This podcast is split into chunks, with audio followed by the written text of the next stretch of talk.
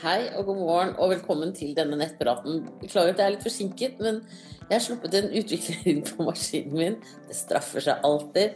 Man får jo god hjelp, men nå sliter jeg litt med Safari og Chrome her. Men det får så være. Denne nettpraten foregår sånn at du legger inn spørsmålene dine på altformamma.no, og den er åpen frem til klokken ti. Og så svarer jeg muntlig her på Facebook. Jeg leser opp spørsmålene, og så svarer jeg muntlig. Så da må jeg hoppe over på safari, så satser jeg på at det går helt fint. At dere fortsatt ser meg, og det er greit. Og så husk at det ikke er noen spørsmål som er for dumme til å stilles. Da begynner jeg. Leamus? spørsmålstegn. Hei, jeg er 14 uker på vei med nummer to og har de siste dagene hatt dirring nederst i magen. Akkurat som om det er i livmora. Det kjennes ut som en slags leamus, og jeg er sikker på at det ikke er babyspark, for det er ikke mulig at babyen kan sparke så raskt. Det jeg lurer på er om dette er vanlig, eller om det er bekymringsfullt. Det er helt sikkert vanlig. Jeg tror ikke du behøver å bekymre deg i det hele tatt. Um, men det det kan være, kan være et lite tegn på at du ligger litt lavt på magnesium. Sånn at jeg vil anbefale deg å øke at du, at du, går på apoteket og så kjøper du magnesiumtabletter. Eventuelt at du kjøper gravidvitaminer som også har et tilskudd av magnesium. Så tar du maksdoser i to-tre uker, og så ser du om det på en måte kanskje gir seg. Så er det også sånn at uh, disse babyene er jo uh, ikke nevrologisk utviklet ennå i det hele tatt. Så noen ganger så kan de faktisk ligge og dirre litt. Uh, så det kan være det, men det kommer an på hvor lenge det varer. Da ville jeg tenkt at det varte kanskje bare et par sekunder. mens en sånn litt mer vedvarende dirring, det er muskulært. Men ingen av delene er farlige. Og ikke noe å bekymre seg for. Og hvis du eh, går og tar magnesium, så vil overskudd gå ut i avføringen. Det er ikke sånn at du kan få for mye magnesium i kroppen din. Eh, det kan være greit å kombinere det med D-vitamin, for da øker opptaket av, eh, av magnesium. Pluss at nå er vi på ettervinteren også, og da er det jo mange som kunne trenge et lite tilskudd eh, med magnesium. Da ønsker jeg deg riktig lykke til videre, og tusen takk for at du følger meg her på, på Alt for mamma og Facebooken, og kanskje andre steder også, som Soundcloud og YouTube og sånn. Da må du ha en strålende dag videre. Ha det bra. Og så er det gravid som sier Hei, jeg tok ut p-stav 22.2 og fikk positiv test 20.3. Hadde blødning 19.2. Regner man termin fra 19.2 da selv om jeg hadde p-stav inne Jeg er også overvektig, dessverre. Hvordan skal jeg da forholde meg til vektøkning? Er det normalt at symptomer som kvalme, ømme bryst etc. veksler fra dag til dag? Uh, hadde blødning 19. Ja, det er vel for så vidt den blødningen 19. februar du skal forholde deg til, tenker jeg. Uh, det er det nok. Men uh, da har du jo hatt kjempeflaks da, som ble gravid så raskt. Det er veldig hyggelig.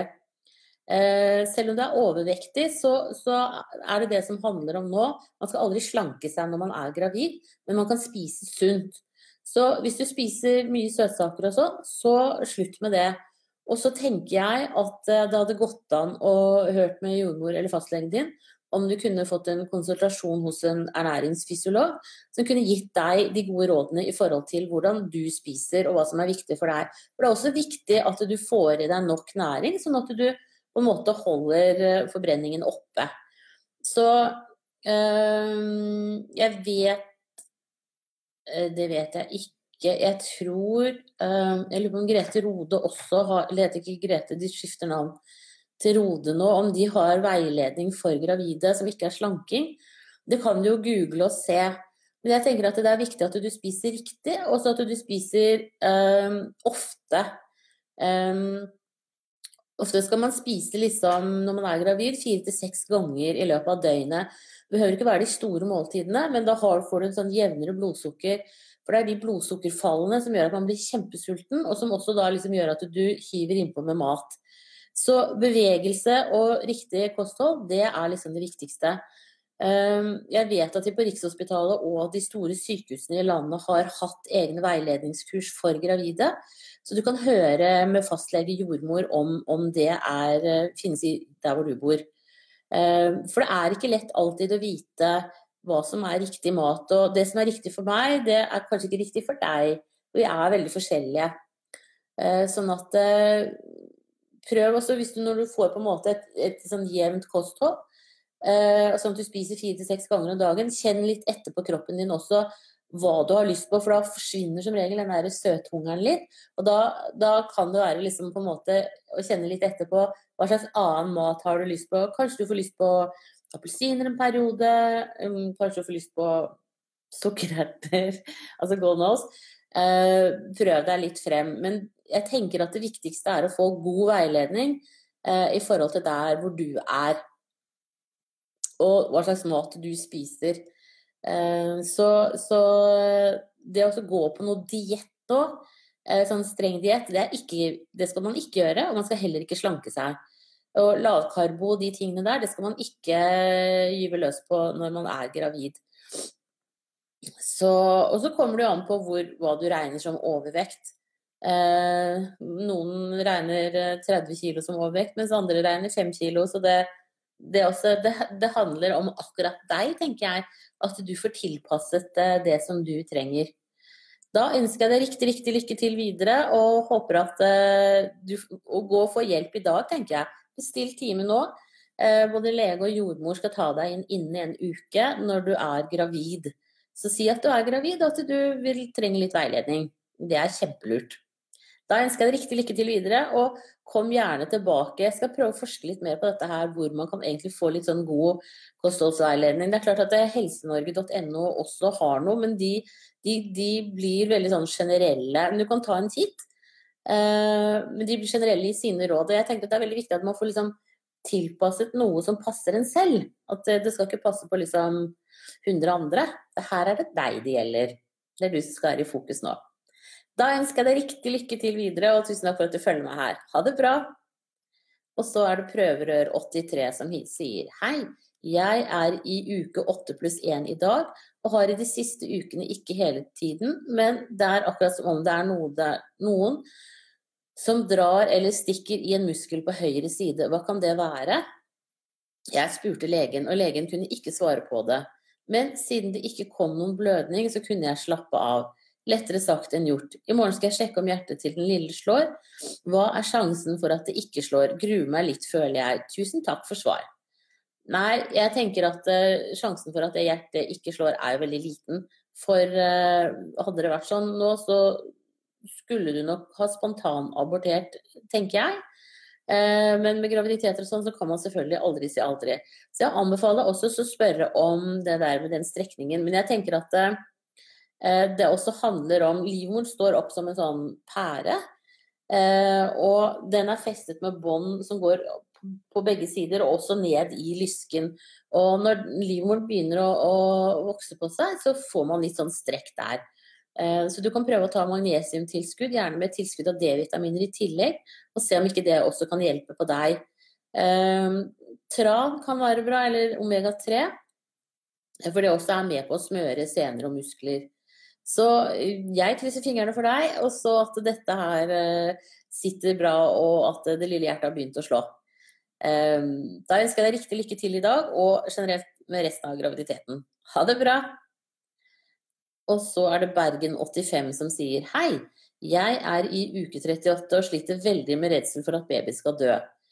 Det eneste jeg ønsker nå, er at de skal ta den ut med keisersnitt. Redselen har fulgt meg hele svangerskapet, da vi har hatt en del utfordringer underveis. Jeg har slitt med blødninger. På ordinær ultralyd ble det oppdaget at den lille hadde nyreproblemer. Det viste seg etter en del spesialistrunder at den ene mangler. De har blitt fulgt tett opp med ultralyd hver annen tredje uke, og den som er igjen, fungerer som den skal. Babyen tisser, og det er nok vann. Ja, men det er bra.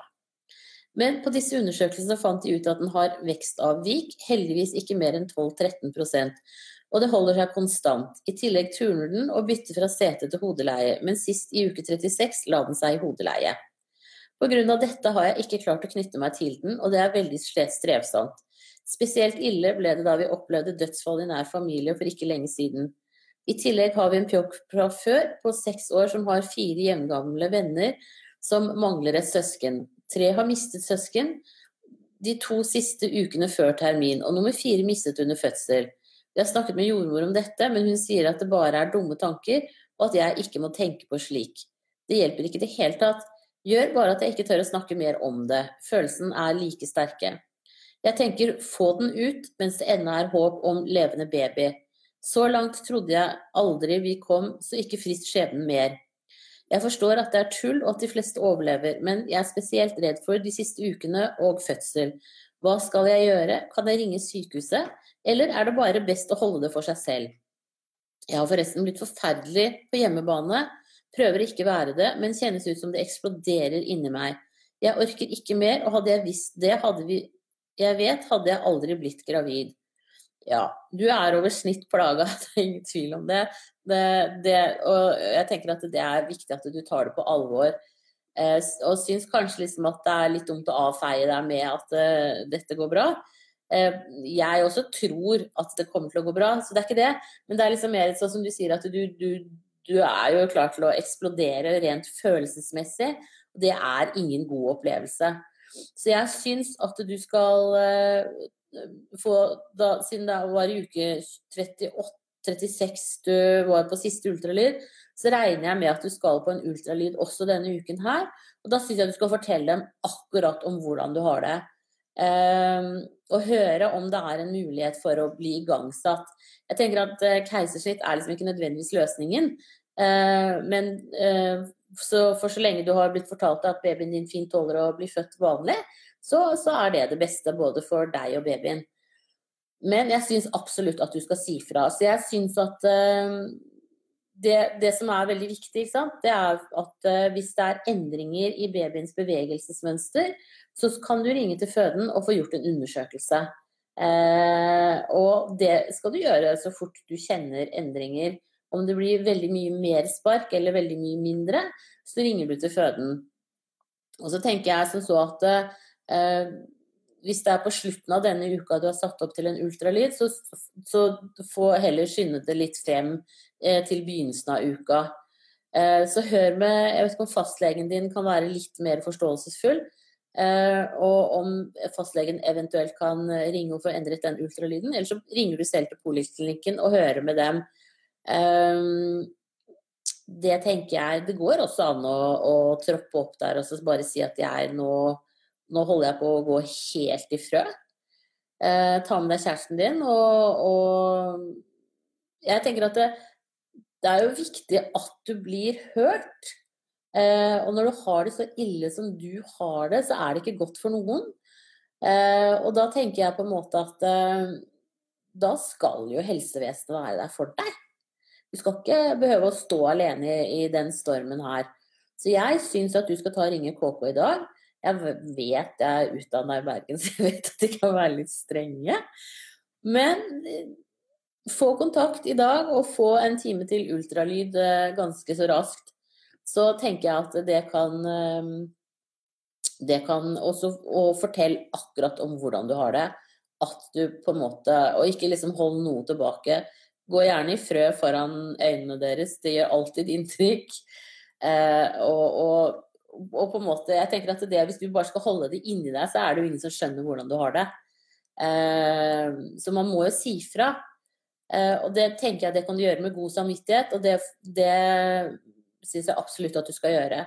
Og så, så hvis, di, hvis, du tenker at jordmora di ikke er villig til å prøve å få deg inn på en tidlig, eller ikke tidlig, men på en ultralyd i dag eller i morgen, så, så ringer du fastlegen hvis det også er en person som ikke gjør det, så tenker jeg at da ringer du bare rett på, på føden selv, og så sier du at, eh, at du er kjempebekymra. Eh, og at du hadde satt veldig stor pris på en ultralyd fordi dette har vært et veldig vanskelig svangerskap. Eh, rett og slett. Så det, det syns jeg, jeg, absolutt at du skal gjøre. Eh, og hvis, hvis, det her skjærer seg helt, så, så send, meg, send meg en mail på sirialfakrøllaltformamma.no. Og så kan jeg se om jeg kan prøve å hjelpe deg, jeg også. For jeg, jeg, jeg syns ikke at folk skal ha det sånn som du har det uten å få hjelp. Um, det det syns jeg virkelig ikke. Så derfor bare prøve alle triksene i boka. Men eventuelt bare ring selv til, til føden eller fødemottaket. Eh, og, og snakk med dem og, og, få en sjekk nå i dag eller i morgen. Det syns jeg er helt på sin plass. Um, og du er ikke? Her har det toppet seg med altfor mange ting på en gang. Og da blir man rett og slett litt sånn uh, ekstra frynsete. Du er ikke gal på noe vis, eller noe sånt. det er ikke det det handler om. Men det handler om at her har det blitt litt mye. Uh, og det må vi ta høyde for, og da må man prøve å tilrettelegge. Og jeg syns også at du på en måte skal være på barsel til du føler at du eh, har det bedre med deg og babyen, og at du føler at du har en tilknytning. Og så vil jeg jo tro også at babyen skal observeres litt etter fødselen i forhold til at den har én nyre og at den tisser greit og, og, sånne ting som det. Så det tenker at her, hvis du ønsker det, så, så bør du få lov å bli på barsel til, til, på en måte ting faller på plass. Eventuelt også at de setter deg i kontakt med en psykolog. Uh, RBUP uh, er det vel som blir brukt mange steder. Nå har jeg begynt å ta litt ekstravakter på Ahus, og der har de Ahus-teamet. Uh, hva det heter på KK i Bergen, vet jeg ikke helt, men jeg tenker at det um, det kan du spørre dem om, for det, det, er ikke sikkert at du på en måte går helt i frø etter fødselen, men det er en liten sjanse for det. Og da tenker jeg er det mye bedre å ha, ha det apparatet tilgjengelig hvis du trenger det, enn at du på en måte går rett i kjelleren og og så skal begynne å nøste i det. Så jeg syns at, eh, at um, Få hjelp. Snakk med dem. Um, ja, altså ring dem i dag og si at du er helt fortvila. Og på en måte kom litt inn i rullene der i, i forhold til det. Og snakk med det teamet som finnes på KK. Det, det syns jeg når, når, du sier KK, så tenker jeg Bergen, men det er jo ikke sikkert at det er KK i Bergen, da. Var det det? Men uansett, jeg tenker at det, det, er flott at du er så ærlig med deg selv, og fortsett å liksom holde på det. Vær stolt. Uh, dette er riktig, at du får noe hjelp nå. Jeg uh, hører gjerne fra deg senere, på seinere nettprater om hvordan det går med deg. Uh, og som sagt, send meg en mail hvis, hvis du vil det. Og det står Bergen85, det er derfor, selvfølgelig. Ja. ja. Men da ønsker jeg deg riktig lykke til, og så håper jeg at, eh, at du får litt større trygghet snart.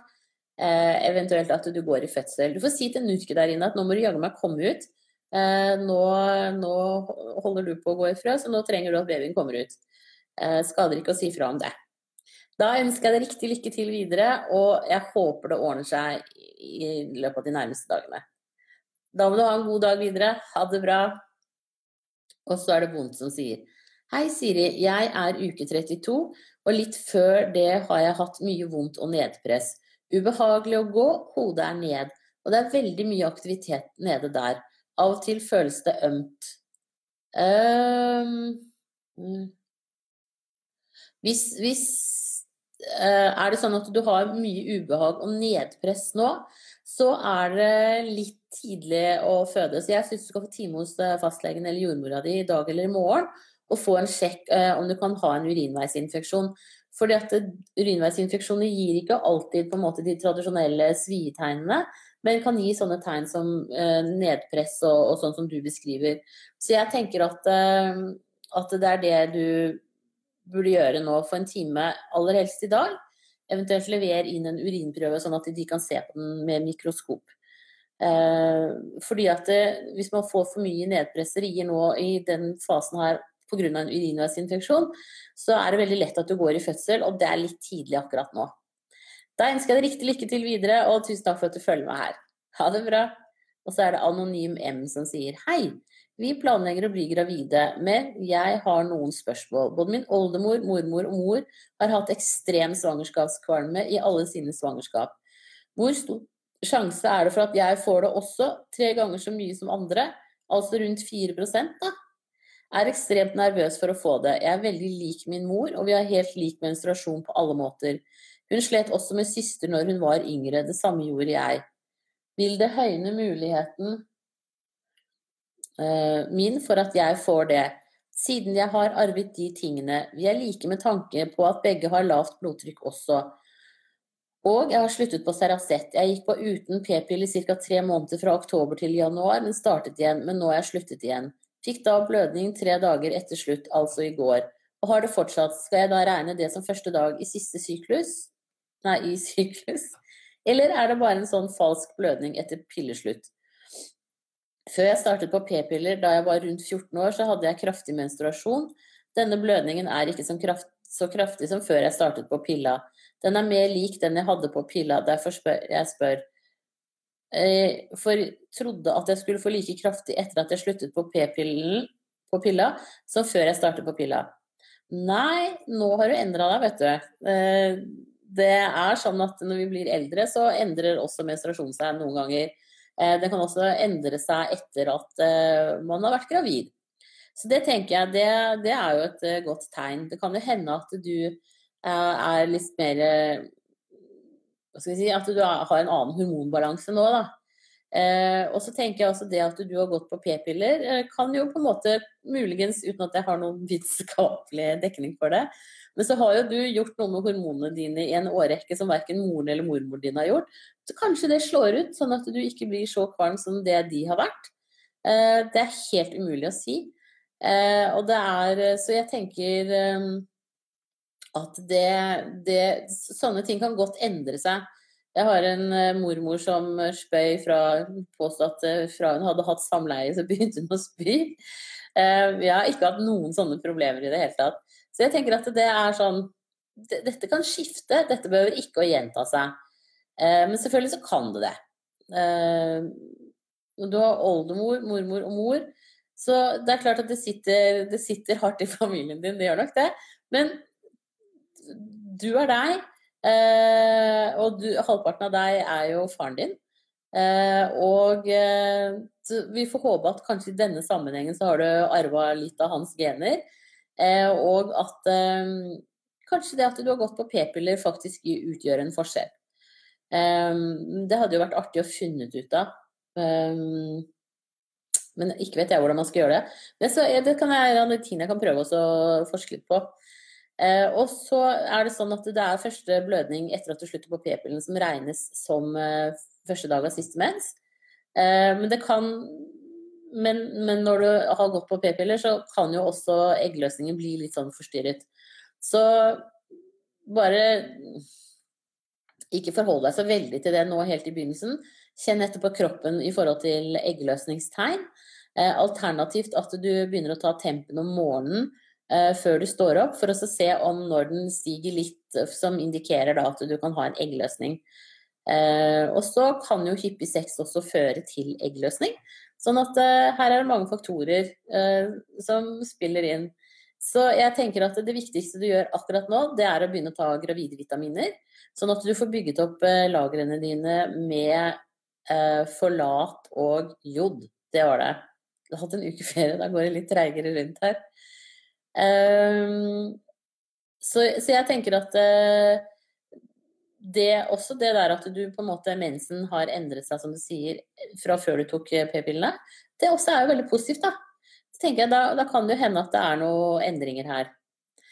Eh, så hvis men hvis du skulle få igjen mensplagene dine, så vil jeg anbefale deg å begynne med noe som heter Kyskets 3. Eh, det kan du google, og på rolv.no så står det om det. Og det er fantastisk urt som regulerer kvinnelige hormoner. Som gjør at mensen ikke blir så vond, at den blir mer regelmessig. Eh, har utmerket effekt på sånne ting. Sånn at det tenker jeg da kan være noe. De, de selger den dessverre ikke i Norge, så du må bestille den via nett eh, fra Danmark. Det er Solarai bl.a. som har disse. Um, vi håper jo at den snart kommer til Norge også, for det er faktisk en av de urtene som virkelig virker. Yes. Men da uh, håper jeg at det klaffer snart for deg, og at uh, kvalmen ikke treffer. Da må du ha en strålende dag videre. Ha det bra. Og så er det stresset som sier hei, jeg skal føde om fire uker og stresse med følgende. Konen til eksen min døde etter fødsel pga. komplikasjoner pga. at morkaken vokste inn i organene i kroppen hennes. Babyen overlevde heldigvis. Hva er oddsen for at slike ting kan skje?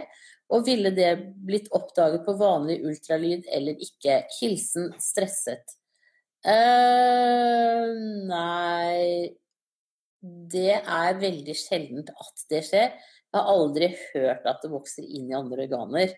Men uh, den kan vokse inn i livmorveggen.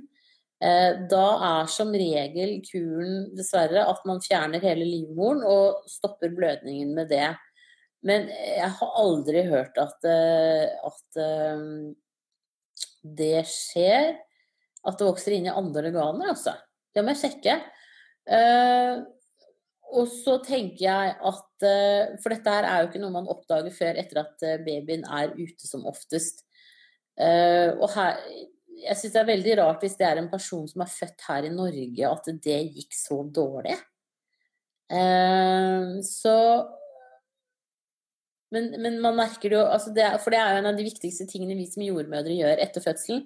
Det er å passe på at morkaken kommer ut som den skal. Hvis den ikke gjør det, så, så blir det operasjon med en gang.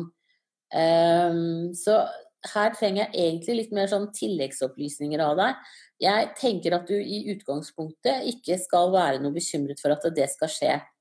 Hvis det er sånn at uh, eks, nei, konen til eksen din fødte på et veldig lite sykehus, og du er veldig redd, så tenker jeg at ok, da, da føder du på et litt sånn større sykehus hvor de har eh, fullt tilbud om kirurgi.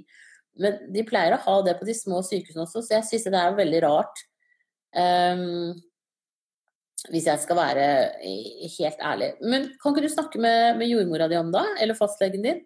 Eh, og så at dere eventuelt søker deg inn til et større sykehus hvis, hvis, det er sånn at du skal føde på et lite sykehus og dette stresser deg veldig. Uh, for på de store sykehusene så smukker de deg ned på operasjonssalen så fort som mulig, eller bort eller opp eller hvilken vei det er eh, hvis man mistenker at det er snakk om fastsittende placenta. For det er det det heter, fastsittende morkake. Så eventuelt eh, fortell meg Nettpraten er vel ikke helt slutt enda. Eh, eller altså, du sier klokka er vel ikke ti enda. Så, så ja. Synes, dette syns jeg var litt rart, rett og slett. Eh, så fortell om det var i Norge eller ikke. Bare legg inn et nytt spørsmål, for dette syns jeg var Ja. Så jeg tenker at det skjer ekstremt sjelden at den er fastsittende. Og det, jeg har nesten aldri hørt om at noen har dødd av det i Norge, altså. Um, så jeg tror dette, dette er um, Man blir litt sånn besatt når man er gravid, og det, det handler litt dette her også. Men jeg kan godt skjønne det, for det er jo nært også. Så snakk med lege eller jordmor om det, og få en avklaring på det. Da ønsker jeg deg riktig lykke til videre, og tusen takk for at du følger meg her. Ha det bra! Og så er det anonym som sier når er det vanlig å komme inn til første svangerskapskontroll? Jeg fikk beskjed av legekontoret at jeg ikke kunne komme inn før jeg var tolv uker på vei, pga. blodprøver som skal tas da. Er dette rett? Syns det var lenge å vente. Helt enig med deg, og det er faktisk feil, ifølge de nye retningslinjene for gravide. Så jeg syns at du skal ta kontakt med jordmor på helsestasjonen der du bor, eh, og så får du den første svangerskapskontrollen hos jordmor Uh, vi jordmødre har mye bedre greie på dette her. Her kommer liksom egenreklame. vi har mye bedre greie på dette enn fastlegene. Uh, og om du tar de blodprøvene på neste kontroll, så gjør jo det ingenting. Det viktige er at du på en måte kommer inn og får en samtale om livsstil, om det er ting du burde endre på, hvordan du har det, er du glad, er du lei deg, alle disse tingene her viktig å komme inn med den praten tidlig. Så jeg syns at du skal bare sjekke nå hvilken helsestasjon som er nærmest der du bor, og så ringer du, og så får du time hos jordmor. Eh, og da skal de gi deg time innen en uke etter at du har henvendt deg, og det skal faktisk også fastlegene gjøre. Så det der er bare gammelt ræl, at uh, man skal vente til uke tolv. Og de fleste abortene skjer jo rundt uke fire. Sånn at uh, før så tenkte man liksom at uh, det der med uke tolv er veldig gammelt, altså. Um, da tenkte man at man var over den verste abortfaren, men sånn er det ikke lenger. Da ønsker jeg deg riktig lykke til videre, og få time hos jordmor og få en god prat. Ha det bra! Og så er det Lina som sier hei, jeg lurte på om du hadde noen tips angående negleklipping på min snart ni måneder gamle gutt. Han nekter helt å klippe negler og bryter ut i gråt av det. Neglene vokser veldig fort og liker å holde de litt korte da han ikke skal klore seg. Får dårlig samvittighet hver gang jeg klipper neglene hans da han griner av det. Han setter seg selv, og jeg bruker god tid, men vil ikke la meg klippe da han skjønner hva jeg skal. Prøvd når han sover på dagen, men det har funket før. Men tar jeg hånda hans forsiktig til meg og klipper én og én og tar pause, drar han bare vekk hånda si i søvne. Er jo veldig redd for å vekke ham med det. Prøvd alt mulig. Da jeg har klippet på stellebordet, jeg både synger og gir han noe å leke med på den ene hånden, men er hele neglesaksen han legger merke til. Håper du har noen tips og ønsker deg en fin dag videre. Hm. Ja, mitt første tips er jo nemlig å prøve når han eh, sover. Det syns jeg er en god idé. Eh, så kanskje du bare skal ta noen få fingre hver gang. Eh, og så kommer du deg rundt eh, etter en stund, i hvert fall.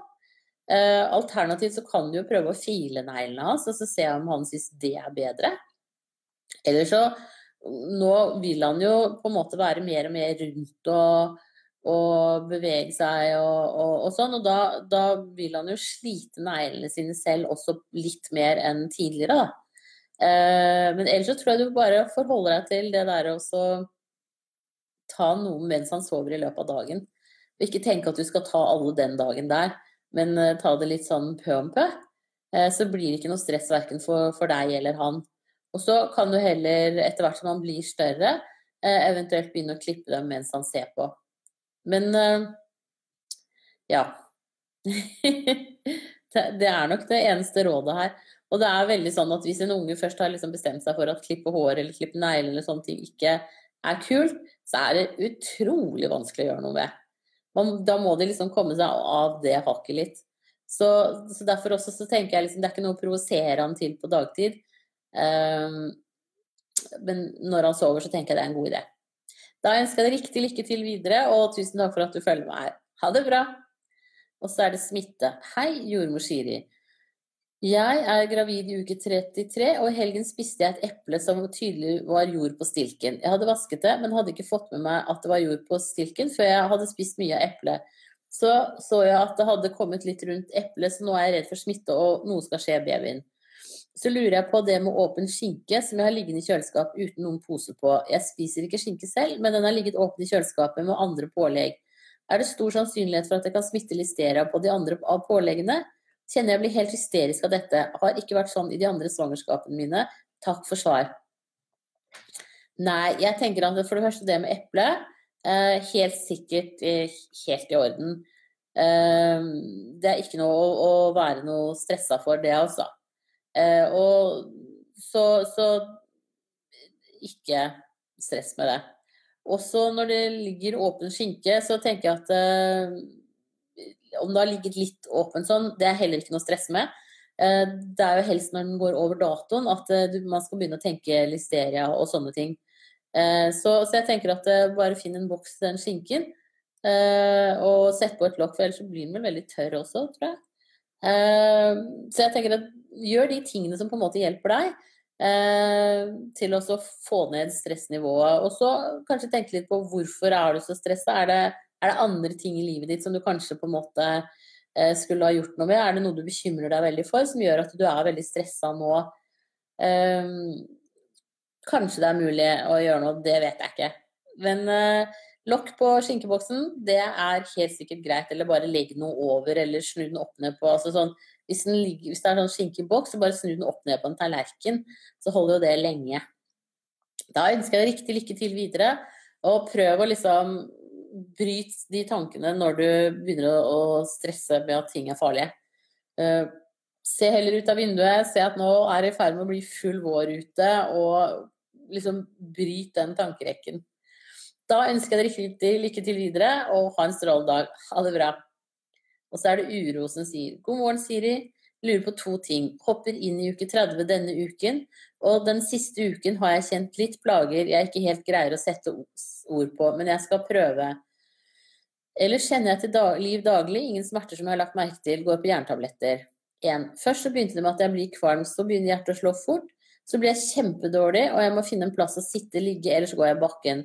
Dette skjer når jeg står, går, ligger stilt og sitter. Har noen pauser iblant der alt virker normalt, men så skjer det igjen. Hva kan det komme av? To, i noen tilfeller så kommer det en byge med hjertebank, noe som kjennes ut som økende puls, og så kommer det kynnere. Dette skjer kun når jeg ligger. Hva utløser det? Det høres veldig ut som at begge deler egentlig er litt sånn blodtrykksfall. Så jeg tenker at det du skal passe på, er å drikke litt mer. Prøv det i første omgang. At du drikker rundt eh, ja, i hvert fall tre liter om dagen. da. Eh, og så er det jo når du kjenner at du får den hjertebanken og sånn, så er det noe med det også at du på en måte skifter stilling. Eh, hvis du går, så klart at da setter du deg ned. Eh, det å stå stille kan faktisk gi eh, blodtrykksfall.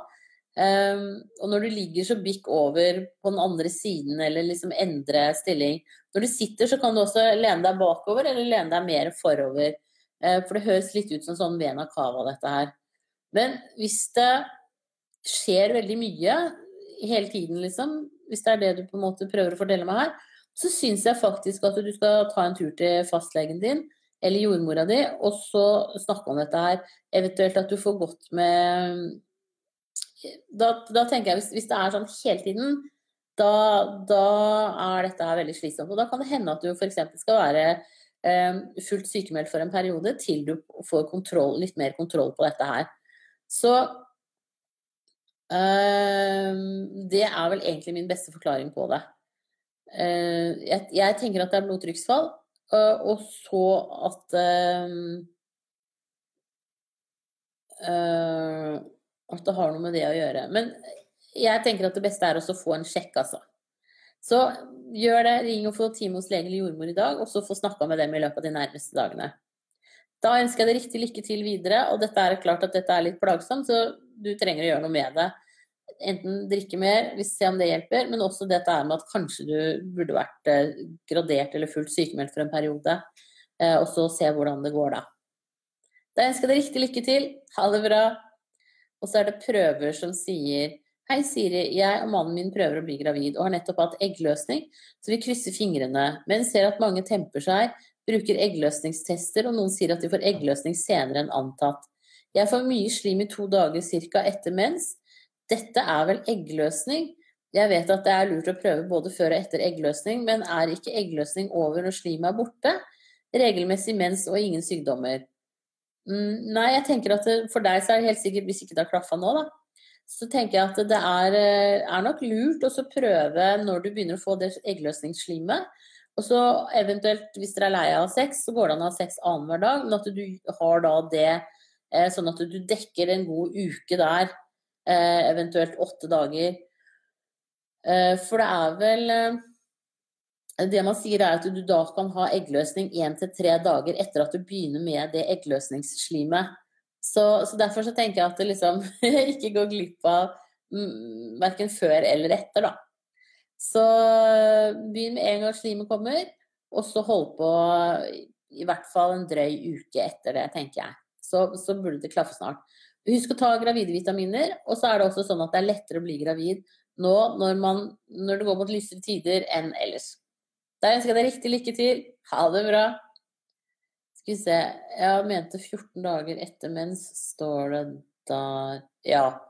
Ja. Men jeg tenker at siden du kjenner kroppen din så godt, så, så er det når eggløsningsslimet eh, begynner at det er greit for deg å, å, sette i gang. Eventuelt dagen før også, altså. Da håper jeg det klaffer for dere snart. Ha det bra. Og så er det attpåklatten. Hei, Siri. Takk for at du fremdeles gir av deg selv til det norske folk fulgte deg inne på Barn i magen også. Ja, det er lenge siden. Det er snart ti år siden. Da jeg gikk gravid med de to store. Det var hyggelig, da. Nå er jeg i uke 37 pluss 4 og fikk vite av en ny jordmor at gutten i magen er stor. Har fått henvisning til vekstkontroll på sykehuset denne uken, men lurer på hvor stor betydning min mening har med tanke på forløsningsmetode. Fødsel 1 var planlagt keisersnitt pga. seteleie, og fødsel 2 gikk jeg fire dager over, men hadde behov for vakuum. Dette tredje barnet er med en ny mann, så genetisk, genetikk kan jo spille en rolle i tillegg til at jeg har smalt bekken og er 1,59 høy. Vil jeg kunne få siste ord i avgjørelsen selv? Hvor lenge før termin er det vanlig å kunne få igangsettelse? Håper jeg kan slippe nytt keisersnitt. Tusen takk for svar, gode deg. Jo, øh, jeg tenker at øh, du burde få en time å snakke om dette her nå. Øh, hvis det skal være noe vits i. så jeg skal se Du skal til vekstkontroll denne uken. Da syns jeg at du skal ordentlig snakke med dem. Skriv ned liksom argumentene dine på mobil eller en lapp, og så, og så fremfør dem når du er der, og ha med deg kjæresten din eller en annen en som kan backe deg. Fordi at det, det, er veldig sånn når man sitter der hos legen og sånn, så, så går liksom ting litt i ball oppi hodet. og så snakker de om andre ting, og så glemmer man det man skulle si. Så skriv det ned. Og så syns jeg absolutt at du skal snakke med dem og så si at du ønsker, du vil gjerne føde vaginalt, men at du på en måte har da både keisersnitt og vakuumopplevelse bak deg. Eh, og at du tenker at det kunne være greit å bli satt i gang nå og da. Så det, det syns jeg absolutt at uh, du skal uh, prøve, altså. For det vil jo alle være tjent med.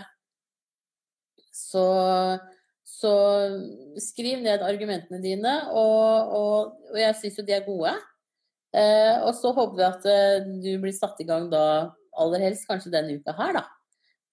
hvis det skal være noe vits i forhold til babyens størrelse. For de fortsetter å legge på seg til termin. Og med mindre du har en uh, sukkersyke, en diabetes, så uh, slutter de å legge på seg etter termin. Uh, da går de faktisk ned i vekt igjen. Men nå er jo du i forkant av terminen din, så det kan være greit også, også få sjekka. Da ønsker jeg deg riktig lykke til videre, og tusen takk for at du har fulgt meg så alle disse årene her, da. Det er jo veldig hyggelig. Da må du ha en strålende dag videre. Ha det bra. Fortell meg gjerne om hvordan det går med den samtalen på sykehuset. Ha det bra. Og så er det spiral. Hei! Satt inn spiral 8 Jades åtte uker etter fødsel, og har nå hatt den i ti dager. Det var ikke noe ubehagelig å sette inn, men jeg begynte å blø med en gang, noe som var normalt, fikk jeg beskjed om. Men at det skulle avta blødningene etter et par dager. Det gjorde det ikke, og det har heller bare økt i mengde siden det. Jeg har også det jeg vil kalle kraftige menssmerter. Jeg er også tidvis mye kvalm og har vondt i hodet. Er det normalt, eller er det skjedd noe galt her? Nå fyller jeg nok et nattbind på tre timer ca. På forhånd takk for svar. Eh, jeg tenker at det kan hende at livmoren din prøver å støte ut den spiralen. Så jeg syns du skal dra tilbake til den som satte inn spiralen din, og få en sjekk. Eh, bare på at den ligger der den skal og, og sånn. Eh, det kan, det kan være ålreit, det nå, altså. Og at du blør et nattbind på tre timer, da blør det jo litt. Eh, sånn at eh, det syns jeg du skal få sjekket i dag aller helst. Så ring til den som satte inn spiralen din, og få en time i dag eller i morgen tidlig. Fordi at du bør ha mer vondt enn det du skal. Altså, dette her er ikke riktig. Da ønsker jeg deg riktig lykke til videre, og tusen takk for at du følger meg her. Ha det bra. Og så er det hjelp. Hei, jeg fikk positiv test i dag. Det var en vanlig test, ikke tidlig test. Jeg har datet to gutter, og nå lurer jeg på hvem som kan være faren. Han ene hadde jeg sex med flere ganger, men han andre skjedde kun lørdag 16. mars. Er det sannsynlig at det kan være den 16. mars? Siste mens var 26. februar, og den fikk jeg etter 21 dager. Men vanligvis har jeg en syklus på 24-26 dager. Det er i dag ni dager siden jeg var med han 6. mars, og i utgangspunktet så hadde eggløsningen min vært en uke før, og en test kan ikke være positiv bare ni dager etter sex. Apropos sex, så hadde vi ikke penetrering. Han kom på magen min, men jeg fikk prekum på fingrene som jeg kan ha fått inni meg. Eh, og når han kom på magen, var det mye væske som rant nedover på vei til dusjen, og er redd det kan ha kommet inni meg. Uff, jeg har rotet det til nå, men har du gode råd? Ja. Skal vi se, her var det datoer å forholde seg til. Skal vi se, altså Det skal innmari godt gjøres at du blir gravid eh, av en utløsning oppå maven, altså. Eh, det vil jeg jo si. Eh, ni Men eh, Skal vi se flere ganger. Anders kun lørdag 16. mars jeg må egentlig, egentlig må jeg liksom vite litt mer om de forskjellige samleiene dine. Uh, det han ene hadde sett flere ganger. Nei, dette var ikke noe lett. Uh, det er en sånn terminkalkulator inne på siten her. Uh, du kan prøve å legge inn din menssyklus og, og, og sånn også. Og så se om, om, du blir noe klokere av det.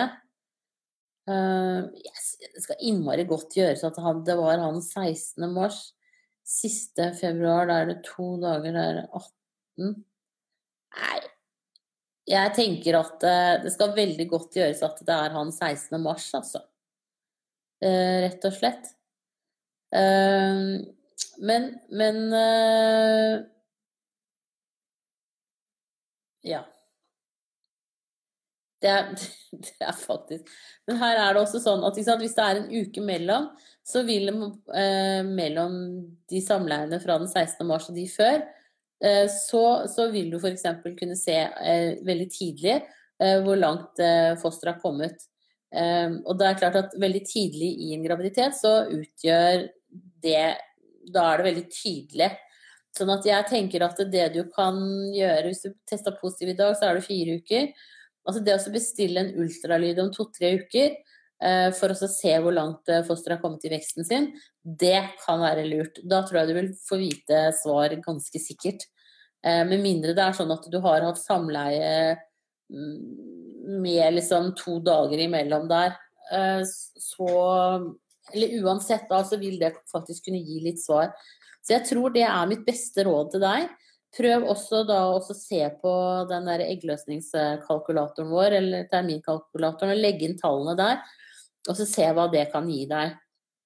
Men jeg, jeg syns det skulle Jeg kan selvfølgelig ikke love noen ting. Det skal veldig godt gjøres at den 16. mars er eh, også da med en utløsning på maven din, at det skal være barnefaren. Altså. Da er den ekstremt fertil, for å si det sånn. Så jeg, jeg, tror ikke det er tidsmessig at det går. Men da håper jeg at det ordner seg snart for deg. å ta en ultralyd om to-tre uker, så vil du helt sikkert få gode svar i forhold til eh, hvem det er som kan være barnefaren. Da ønsker jeg deg riktig lykke til videre, og tusen takk for at du følger meg her. Ha det bra.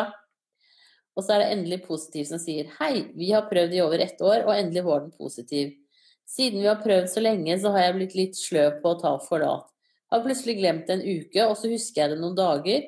Og så glemmer jeg det igjen. Har tatt blodprøve for noen måneder siden og sjekker hormoner osv., og, så videre, og da var forlat høyt. Har jo tatt det i over et år. Er det farlig at jeg ikke nå har tatt det så masse de siste to ukene? Jeg tok tidlig test på fredag som var negativ, og spiste sognemor på lørdag. Hvor farlig er det med spekemat? Den tidlige testen var negativ fredag. Den kunne tas fem dager før forventet mens, og sånn vanlig test var positiv i dag når ikke mensen kom. Er ikke det rart? Nei, det er ikke så rart. det handler om at eh, du skal utvikle nok HCG i blodet ditt til at det, nei, i urinen, eller kroppen, da, til at det slår ut i urinen. Så det er helt normalt. Det er ikke noe å være noe bekymra for. Eh, kjempehyggelig at det klaffet. Og når du har fått påvist at du ligger bra med forlat, så gjør du det. Det er ikke noe som forbrukes i løpet av bare et par uker. Så det kan du trygt stole på. Så begynn med gravide vitaminer nå, og gratulerer med graviditeten. Eh, og dette går helt sikkert kjempebra. Eh, også i forhold til at du har spist sognemår. Det skal ikke være noe skadelig sånn. Det er, jo veldig sjelden at det er noe tull med sognemoren. Men det er vel en, en av de mer utsatte pølsetypene, kan vi vel si. Men jeg tenker at det går helt fint. Ikke noe å være noe bekymret for. Og bare nyt videre det som skjer med kroppen din. Da ønsker jeg deg riktig lykke til, og tusen takk for at du følger med her. Ha det bra! Og så er det andre trimester som sier Hei, Siri. Jeg er gravid i uke 20 og skal egentlig i et bryllup i utlandet 27. april. Da er jeg rundt 24 uker på vei. Eh, det jeg lurer på, er om det er helt trygt å reise med fly, eller er det noe man ikke anbefaler hvis man kan unngå det? Jeg er kondisert for to år siden og bekymret for komplikasjoner rundt dette. Uh, er også redd for at en sånn helgetur kan være stressende for baby. På forhånd takk for svar. Mm, altså Babyen tåler dette her helt fint, det er det ingen tvil om. Men jeg syns i forhold til det at du er kondisert, det betyr at du har en mormunn, en, en livmortapp, som kanskje er litt skjørere enn andre. Så jeg syns at du skal ta kontakt med eh, Egentlig så er det vel kanskje en gynekolog som på en måte burde ha sett på deg i forhold til dette. Eh, og mormunnen din, om den overhodet er noe påvirket. Men start med fastlegen eller jordmora di. Kanskje egentlig fastlegen som kan, med mindre du har en jordmor som gjør GU. Eh, og så se videre der i forhold til det å dra på den turen. I utgangspunktet så pleier det jo å gå helt fint, men, men eh, det er klart at uh, en vurdering i forkant der er sikkert lurt. Og så vil du antageligvis også trenge en bekreftelse på når du har termin og, og sånne ting. Og så sjekk også med med uh, reiseselskapet eller flyselskapet at det er greit å fly med dem nå når du er gravid, og reiseforsikringen din at den dekker at du er gravid. Uh, så sånn i utgangspunktet ja, men i forhold til at du har kondisert, så ville jeg liksom på en måte kanskje tenkt to ganger. I hvert fall fått en sjekk på det. Da ønsker jeg deg riktig lykke til videre, og tusen takk for at du følger med her. Ha det bra. Og så er det besvimelse. Hei, jeg er 14 uker på vei og har en lei tendens til å besvime rett som det er. Har ofte trykk i brystet, som om noen sitter på meg midt i brystkassa. Det kjennes ut som at hjertet slår ekstra hardt på en måte, vanskelig å forklare. Det er målt blodtrykk og oksygenmetning tidligere, to uker siden, som var normalt, men det vil ikke gi seg likevel. Teorien da var at det kom at jeg hadde vært så mye dårlig og ligget så mye i ro. Er dette vanlig, eller bør jeg være bekymret? Eh, jeg tenker at eh, det å, Hvis du har ligget veldig mye i ro, så tar det litt tid å trene seg opp igjen. Og det går faktisk litt treigere når man er gravid enn ellers. Så prøv å gå tur, kanskje et par turer på ti minutter i begynnelsen hver dag. Bare så se hvordan du på en måte tåler det. Eh, og så at du bruker litt tid på å rett og slett bygge det opp igjen.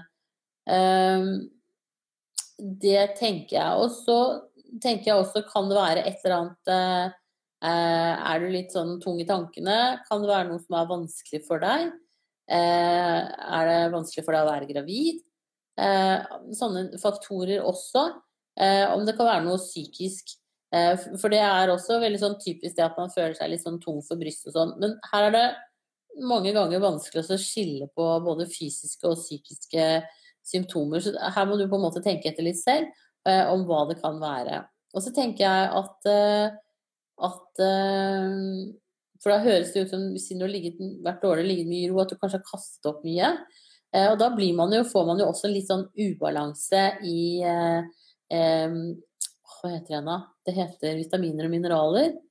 Eh, sånn at de kunne kanskje sjekka eh, statusen din på det, og så sett om det var noen stoffer du trenger mer av enn andre. Eh, for det også kan gi sånne utslag som det du beskriver her, altså. Så, så jeg tenker at det kan være en investering for deg. Og så prøve også Og så se også på en måte Eh, om, om, det kan være en ubalanse i vitaminene og mineralene. Så det tenker jeg at det kan du få en test hos eh, lege eller jordmor på i dag. Eh, og så se om ikke Prøve litt forskjellig. Men, det, men som sagt, det der også å komme i sig igjen hvis du har ligget mye, kjempelurt. Og det er jo så ødeleggende, det der å ligge mye. Selv om noen ganger i livet så må man bare gjøre det. Eh, så, så, blir man fryktelig sånn ør og slapp og dårlig av det også. Så, så, det å komme seg opp og gå litt eh, Start med små turer, gjerne to-tre ganger om dagen. Eh, ikke gå tilbake på jobb og sånn før du føler at du på en måte har et litt større overskudd. Og så få sjekket vitaminer og mineraler. Da ønsker jeg deg riktig, riktig lykke til videre, og tusen takk for at du følger meg her. Da var det dagens siste spørsmål. Nå er det to minutter igjen av nettpraten. Så hvis det kommer flere spørsmål, så svarer jeg på de skriftlig. Ellers er jeg tilbake senere i uka igjen. Da må dere alle ha en riktig, riktig strålende dag, og så snakkes vi. Ha det bra!